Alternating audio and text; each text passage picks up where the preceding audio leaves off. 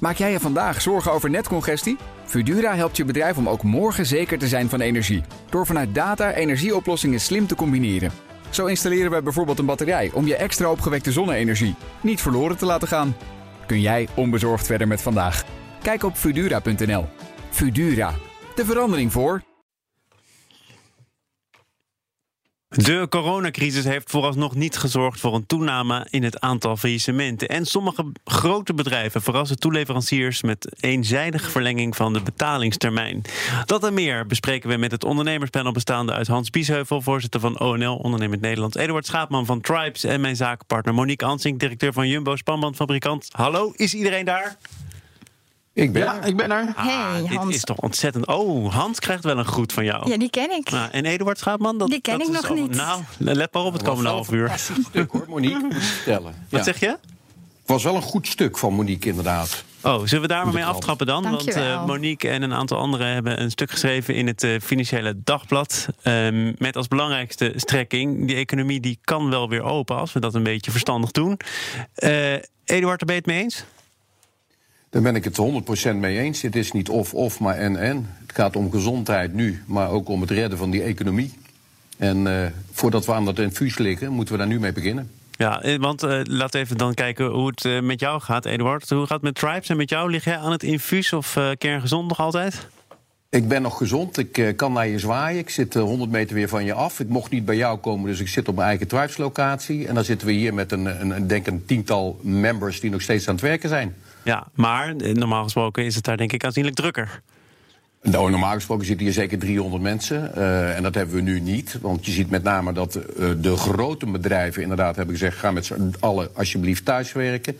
En ga dan wel met z'n allen de supermarkt in, geloof ik. Maar eh, de verstandige ondernemer die komt hier nog steeds op kantoor... en die heeft afspraken gemaakt met zijn medemedewerkers. En dan zie je een rolering. Dan zie je op één kantoor één iemand zitten in plaats van drie mensen. En ze houden keurig afstand. En ze zorgen inderdaad dat ze aan die social distance doet. Maar ze kunnen wel lekker verstandig werken. En dat sluit aan op een bericht van de NOS vanmorgen... dat iedere thuiswerker op dit moment knettergek wordt. Hoe, Ja. hoe lang houdt Tribes het op deze manier vol? Als je 300 mensen om je heen gewend bent en er zitten er nog 10 eh, members nu naast jou, dat is bedrijfsmatig natuurlijk ook eh, een harde klap. Dat is eh, in principe voor ons op dit moment nog geen klap. eh, omdat we natuurlijk toch contracten hebben die eh, lang duren. Ja. Echter, wij verkopen op dit moment veel minder. Dus het zal voor ons veel meer crisis worden ja, in september. Als wij Maar zien dat de even, want je verkoopt nu doen- niet, maar ik neem aan dat je ook al berichten krijgt van bedrijven die zeggen normaal gesproken maken we gebruik van jullie diensten, nu niet, omdat we dat eigenlijk ook niet mogen, dat wordt afgeraden. Kunnen we praten over een andere prijs? Nou, wat je met name nu ziet is dat er eh, bedrijven komen met inderdaad uitstel. Hè. Kunnen we uitstellen? Kunnen we het anders doen? Kunnen we een korting krijgen? Eh, en dan gaan wij weer kijken naar wat voor bedrijf ben jij? En eh, kun jij gebruik maken van de overheidsregelingen? Of kun je daar niet van gebruik maken, zoals de start-up en de scale-ups? En dan gaan wij met ze in gesprek, want die, inderdaad, die economie moet ook worden gered. Ja, en, en zolang jij, en zolang jij kunt aantonen dat je dus te maken hebt met klanten die gebruik maken van overheidssteun, dan zeg jij, dan gelden ook gewoon de afspraken die we eerder hebben gemaakt. Ja, tenzij zo'n bedrijf er weer niet uitkomt, dan ga je natuurlijk altijd om de tafel zitten. Want je wil niet zitten in een pand waar niemand zit. Eh, Nee. Want uiteindelijk willen wij uit hier weer gezond uitkomen. Dus als de overheid het niet gaat regelen, dan eh, zullen wij zeker kijken van hoe kunnen wij bijspringen. En natuurlijk hebben wij ook niet een eindeloze kaspositie. En wij hebben ook 125 mensen eh, te voorzien van een maaltijd van al die mensen die bij ons werken. Dus je moet daar heel verstandig mee omgaan. Hans, waar wil jij mee aftrappen in dit panel? Eh, nou, laat ik eens beginnen met dat eh, meldpunt. Hè. We hebben deze week dat meldpunt geopend eh, om eh, aandacht te vragen voor eenzijdige maatregelen van, van grote bedrijven. Je noemde het net al eventjes. Ontzettend veel meldingen binnen gehad. Overigens positief en negatief. Laat ik met het positieve beginnen. Er zijn ook heel veel eh, bedrijven die met elkaar eh, goede oplossingen bedenken. Nou, Eduard vertelt net eh, hoe hij dat doet en dat spreekt me enorm aan. Ga met elkaar in gesprek, zoek oplossingen. En gelukkig gebeurt het ook heel veel in Nederland. En nou, die voorbeelden kun je ook bij ons op de website zien. Die willen we uiteraard ook vermelden ter inspiratie van iedereen. Maar helaas ook minder goede voorbeelden van grote bedrijven die dan eenzijdig ja, de, de, de betalingsafspraken opschuiven of alle orders uh, cancelen. Maar dan zonder enige overleg, zonder enige sympathie, zonder enige empathie. En daar begrijp ik gewoon helemaal niks van. Want ja, we moeten samen door deze crisis heen. Uh, we willen niet uh, straks een winkelstraat die drie voor drie wordt leeg is. en ik denk dat je in deze situatie gewoon met elkaar dingen moet oplossen en niet eenzijdig. Nee, want wat gebeurt er als je eenzijdig die betalingstermijn bijvoorbeeld verlengt? Dan leg je het probleem dus bij iemand anders neer. Ja. Dan raakt de keten in gevaar en dan dondert ja. misschien wel uiteindelijk iedereen om. Nou ja, en weet je, het lastige is gewoon, je hebt elkaar straks weer keihard nodig. Um, en ik denk dat iedereen beseft dat we elkaar heel hard nodig hebben. Kijk, de overheid heeft, vind ik, een fantastische reddingsboei uitgegooid uh, voor het Nederlandse bedrijfsleven. En dan kan je natuurlijk op allerlei onderdelen kan je nog uh, verbeteringen misschien krijgen de komende weken of dingen aangepast zien. Maar in de, in de kern is, wordt er een enorme reddingsboei uitgeworpen en dat vind ik fantastisch. Maar dat moet, betekent dat we als bedrijven onderling ook aan de bak moeten om uh, elkaar er doorheen te trekken. Uh, en weet je, de Nederlandse economie is een relatief kleine economie. We zijn echt een netwerkeconomie uh, van heel veel bedrijven die afhankelijk van elkaar zijn. En zo moet je denk ik dit probleem ook benaderen. Ik voel heel veel bereidheid bij heel veel bedrijven om met elkaar op te trekken en dingen uh, op te lossen. Nou, dat vind ik, mag je ook van die grote retailers verwachten. Uh, ik zal je eerlijk maar, zeggen. Maar is die grote retailer wel net zo afhankelijk van die kleine toeleverancier uh, als andersom? Het antwoord is denk ik nee. Nee. Nou ja, in sommige gevallen natuurlijk niet. Maar tegelijkertijd, nogmaals, ze doen natuurlijk niet voor niks zaken hè, met al die kleine MKB-bedrijven. En vaak al jarenlang. En dan zeg ik, ja, als je jarenlang met elkaar zaken hebt gedaan, dan past het in deze moeilijke tijd waar niemand om gevraagd heeft. Hè, wat je niet aan persoonlijk handelen van bedrijven kan toewijzen. Uh, dat je dan zo eenzijdig handelt. Hm. Ik zou zeggen, ga in gesprek. Ik heb de afgelopen dagen al heel wat CEO's gebeld persoonlijk van grote bedrijven. En gezegd, kom op, trek die brief nou terug die je hebt gestuurd. Ga nou in gesprek. Ik snap dat jullie het ook lastig hebben. Ja, want dat is natuurlijk wat hier aan ten grondslag ligt. Ze doen het niet uit wilde. Nee, en ik, ik, ik ga ook niemand veroordelen. Hè. Ik wil ook geen waardeoordeel geven. Ik zeg alleen wel dat eenzijdig opleggen van maatregelen, dat werkt niet. Ga in gesprek, zoek dat gesprek op. En ik kan vele voorbeelden geven waar dat wel gebeurt, waar het wel lukt. En weet je, de ketting is zo sterk als de zwakste schakel. Dus dat betekent, als je met elkaar die keten verzwakt, hebben we er allemaal last van. Maar probeer nu juist elkaar op te zoeken en die keten gewoon sterk te houden. Monique? Hans, ik zie vaak dat, dat uh, die retailers die die uh, brieven sturen, zijn toch vaak retailers die zijn door investeerders. Uh, zouden we daar dan nog uh, onze aandacht aan kunnen geven? En, dat komt denk ik vanuit de investeerder uiteindelijk. Zeker, en, en natuurlijk, uh, die voorbeelden kennen we allemaal. En ik, ik heb daar ook, ook daar contacten gelegd, want ik vind dat inderdaad niet prettig. Maar uiteindelijk, ja, weet je, de CEO's, die directies van die bedrijven, die zijn uiteindelijk verantwoordelijk voor de bedrijfsvoering, voor de contacten met, met de leveranciers. En die spreek ik primair aan. Uh, want dat, die zijn ook vaak het gezicht van dat bedrijf. Maar ik ben het met je eens. Er zitten natuurlijk vaak Anglo-Saxische aandeelhouders achter. Ja. Die uh, ja, heel anders redeneren dan, dan jij en ik. Ja. Um, en ja, ik laat maar zeggen, wat mij betreft is dat eigenlijk onacceptabel in deze hele benarde situatie ja. waar veel bedrijven in zitten. Eduard, is, is het hufter gedrag en, en hoort er ook naming en shaming bij? Want we hebben hier vorige week ook kort over gesproken met Remy Ludo Gieling van Sprout. En die zei, er moet een actie komen uh, en aan de schandpaal, we gaan er een rechtszaak van maken. Dit kan zomaar niet.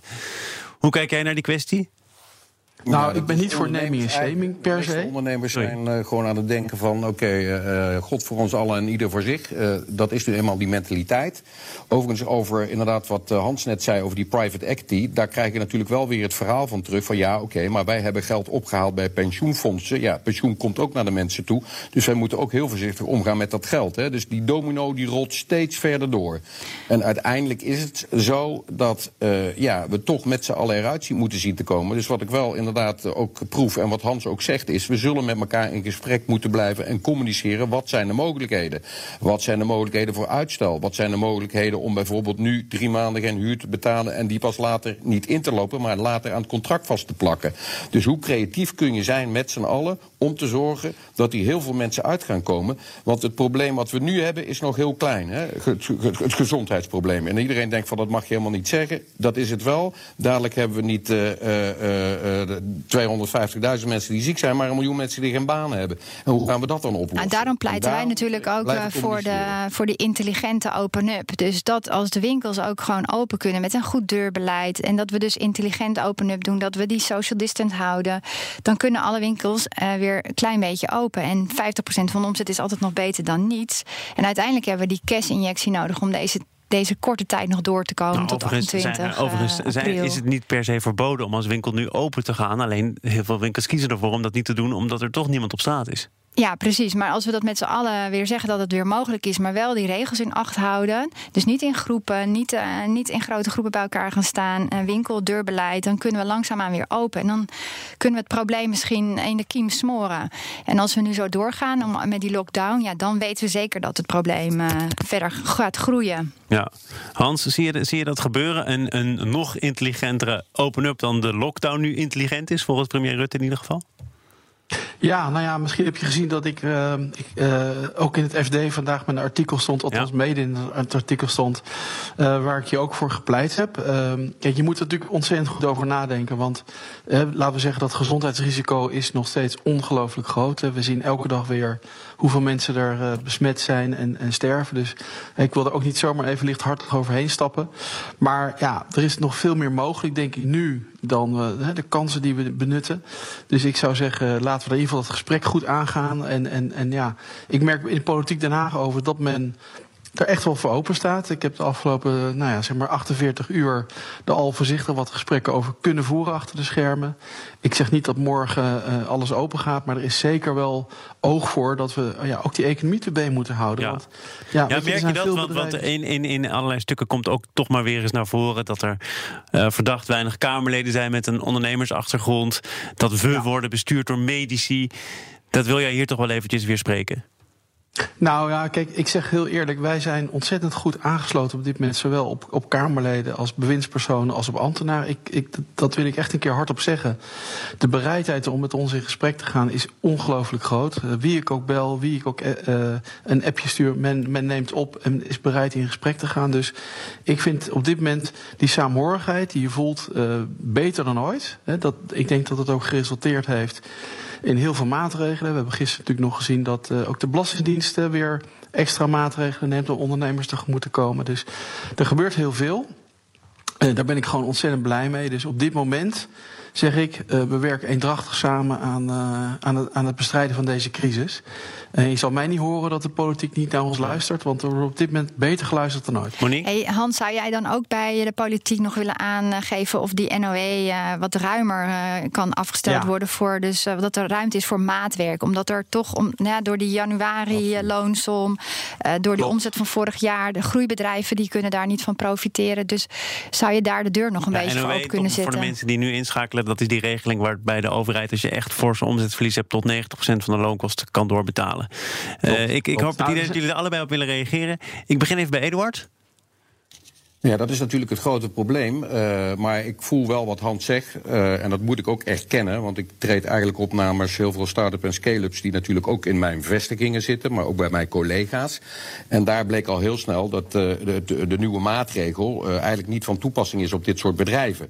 En waarom niet? Die omzet is daadwerkelijk wel gegroeid... bij inderdaad de groeibedrijven. Maar de kosten ook aanzienlijk. Dus als je letterlijk gaat lezen wat er nu wordt geschreven... red de overheid de oude economie, maar niet de nieuwe economie. Dus ik ben het met Monique eens dat we maatwerk moeten toepassen. In principe waren we eerst in gesprek met de Belastingdienst. Nu zijn we in gesprek, omdat het proces door is, gelijk naar de Kamer van Koophandel. En ze geven ook allemaal toe, er zitten weeffouten in... en we moeten kijken hoe we die gaan herstellen. Dus ik ben het wel met, e- met Hans eens dat er inderdaad wel geluisterd wordt naar ons...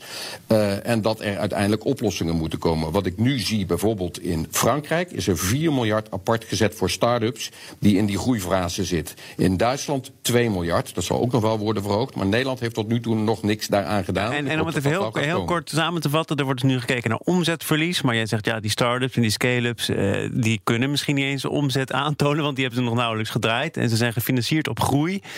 Waar, waar moet je dan op toetsen? Nou ja, je moet toetsen inderdaad op, op een ander iets. Hè. Je moet natuurlijk ook kunnen aangeven waarom jij nog bestaansrecht hebt en waarom jij zoveel mensen in dienst hebt. Kijk, een beetje bedrijf wat net gestart heeft, uh, dat heeft een injectie gehad en dat heeft dus inderdaad veel meer kosten kunnen of moeten maken nu. Dus de kosten voor de baat. En die omzet zal wel een beetje gestegen zijn en daarom kun je nooit dat omzetverlies aantonen. Uh, maar je hebt wel veel en veel meer kosten gemaakt, omdat je ja, eigenlijk een businessmodel hebt wat iets gebaseerd maar, maar vertel even, want je moet je bestaansrecht aantonen. Nou ja, bestaansrecht dat bestaat misschien ook omdat jij vindt dat je van toegevoegde waarde bent. Maar dit is natuurlijk allemaal heel erg multi-interpretabel.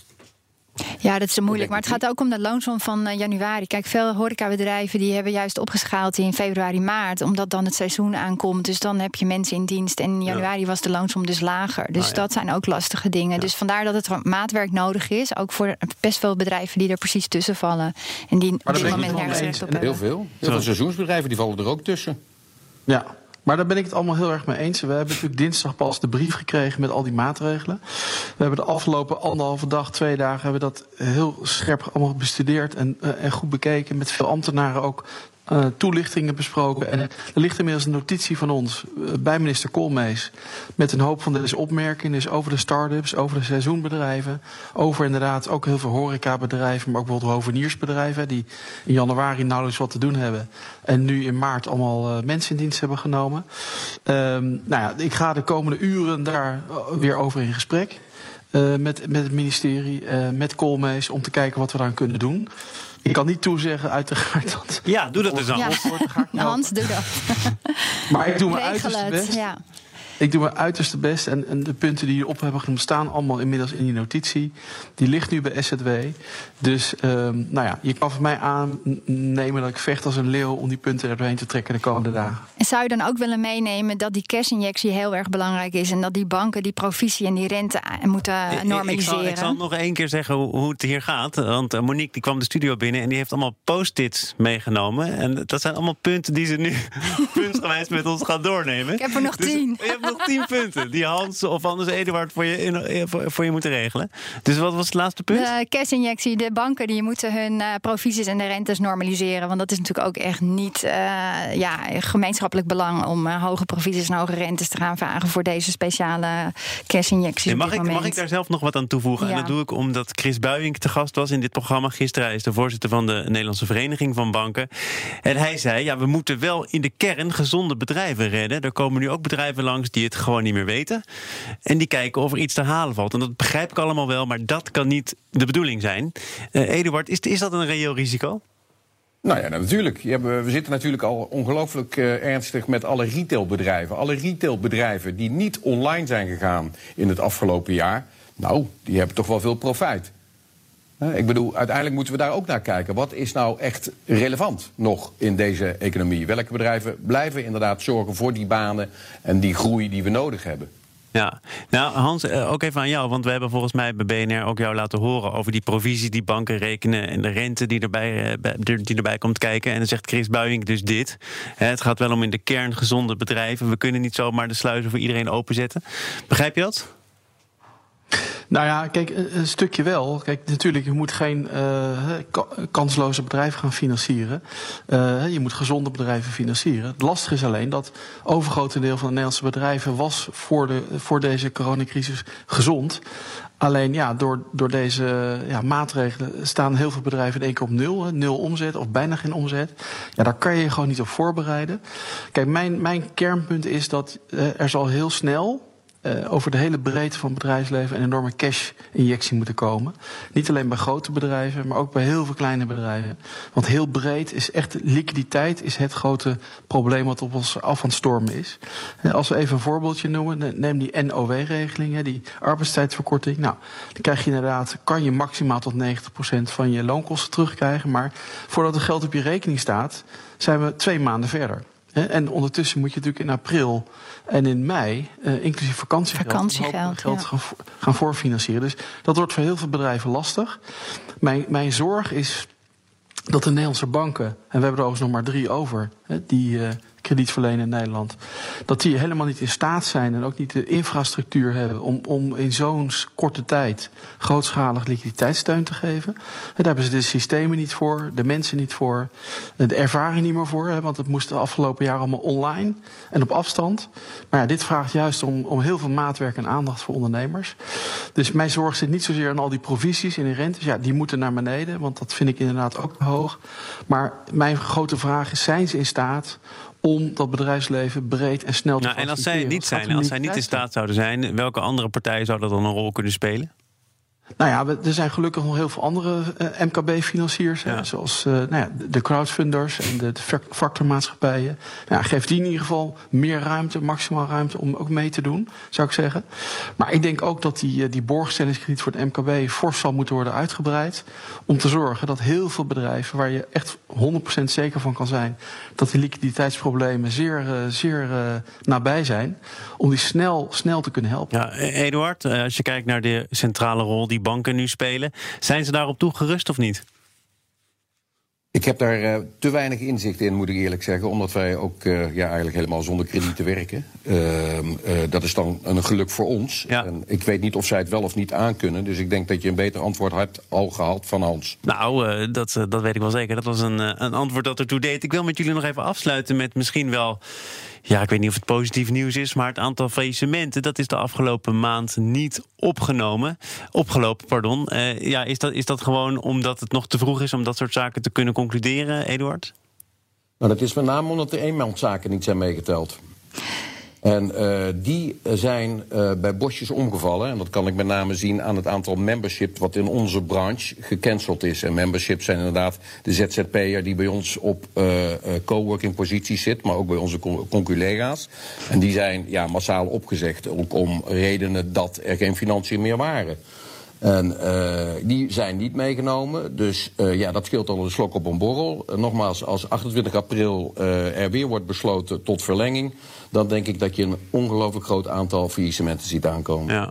ja, als we nu geen intelligente open-up doen, dan zie ik eigenlijk drie kansen. Eén is, je kan de NOE-regeling doen, maar geldt dat niet voor jou, dan houdt het op. Dan kan je gaan reorganiseren, maar is bijna niet te doen door de WAP-regeling, want de transitievergoedingen zijn te hoog. Dus de derde optie is voor veel bedrijven dan gewoon faillissement. Dat is dan uiteindelijk uh, de goedkoopste keus. En uh, dat gaat op ons afkomen als we nu niet een intelligente open-up uh, starten. En dat moet over heel Europa. Er een stuk over in het FD vandaag. Ja, leuk hè. hey, hey Hans, is er ook nog zoiets als ik begrijp dat dit uitzonderlijke situaties zijn, maar een buffer die je eigenlijk zou moeten hebben? Dus dat je niet uh, na een week of twee, drie in de problemen komt. Ja, maar kijk, weet je, er zijn uh, best veel bedrijven in Nederland die de afgelopen jaren dat, dat hebben ingezien. En de buffers nu zijn bij bedrijven over het algemeen beter dan bijvoorbeeld in de kredietcrisis. Hè. Toen was dat een van de problemen dat de meeste bedrijven veel te veel gefinancierd waren. Nou, dat is nu anders. Hè. Eduard vertelde het net ook al. Hè, bedrijven zijn gewoon wat minder afhankelijk van de banken.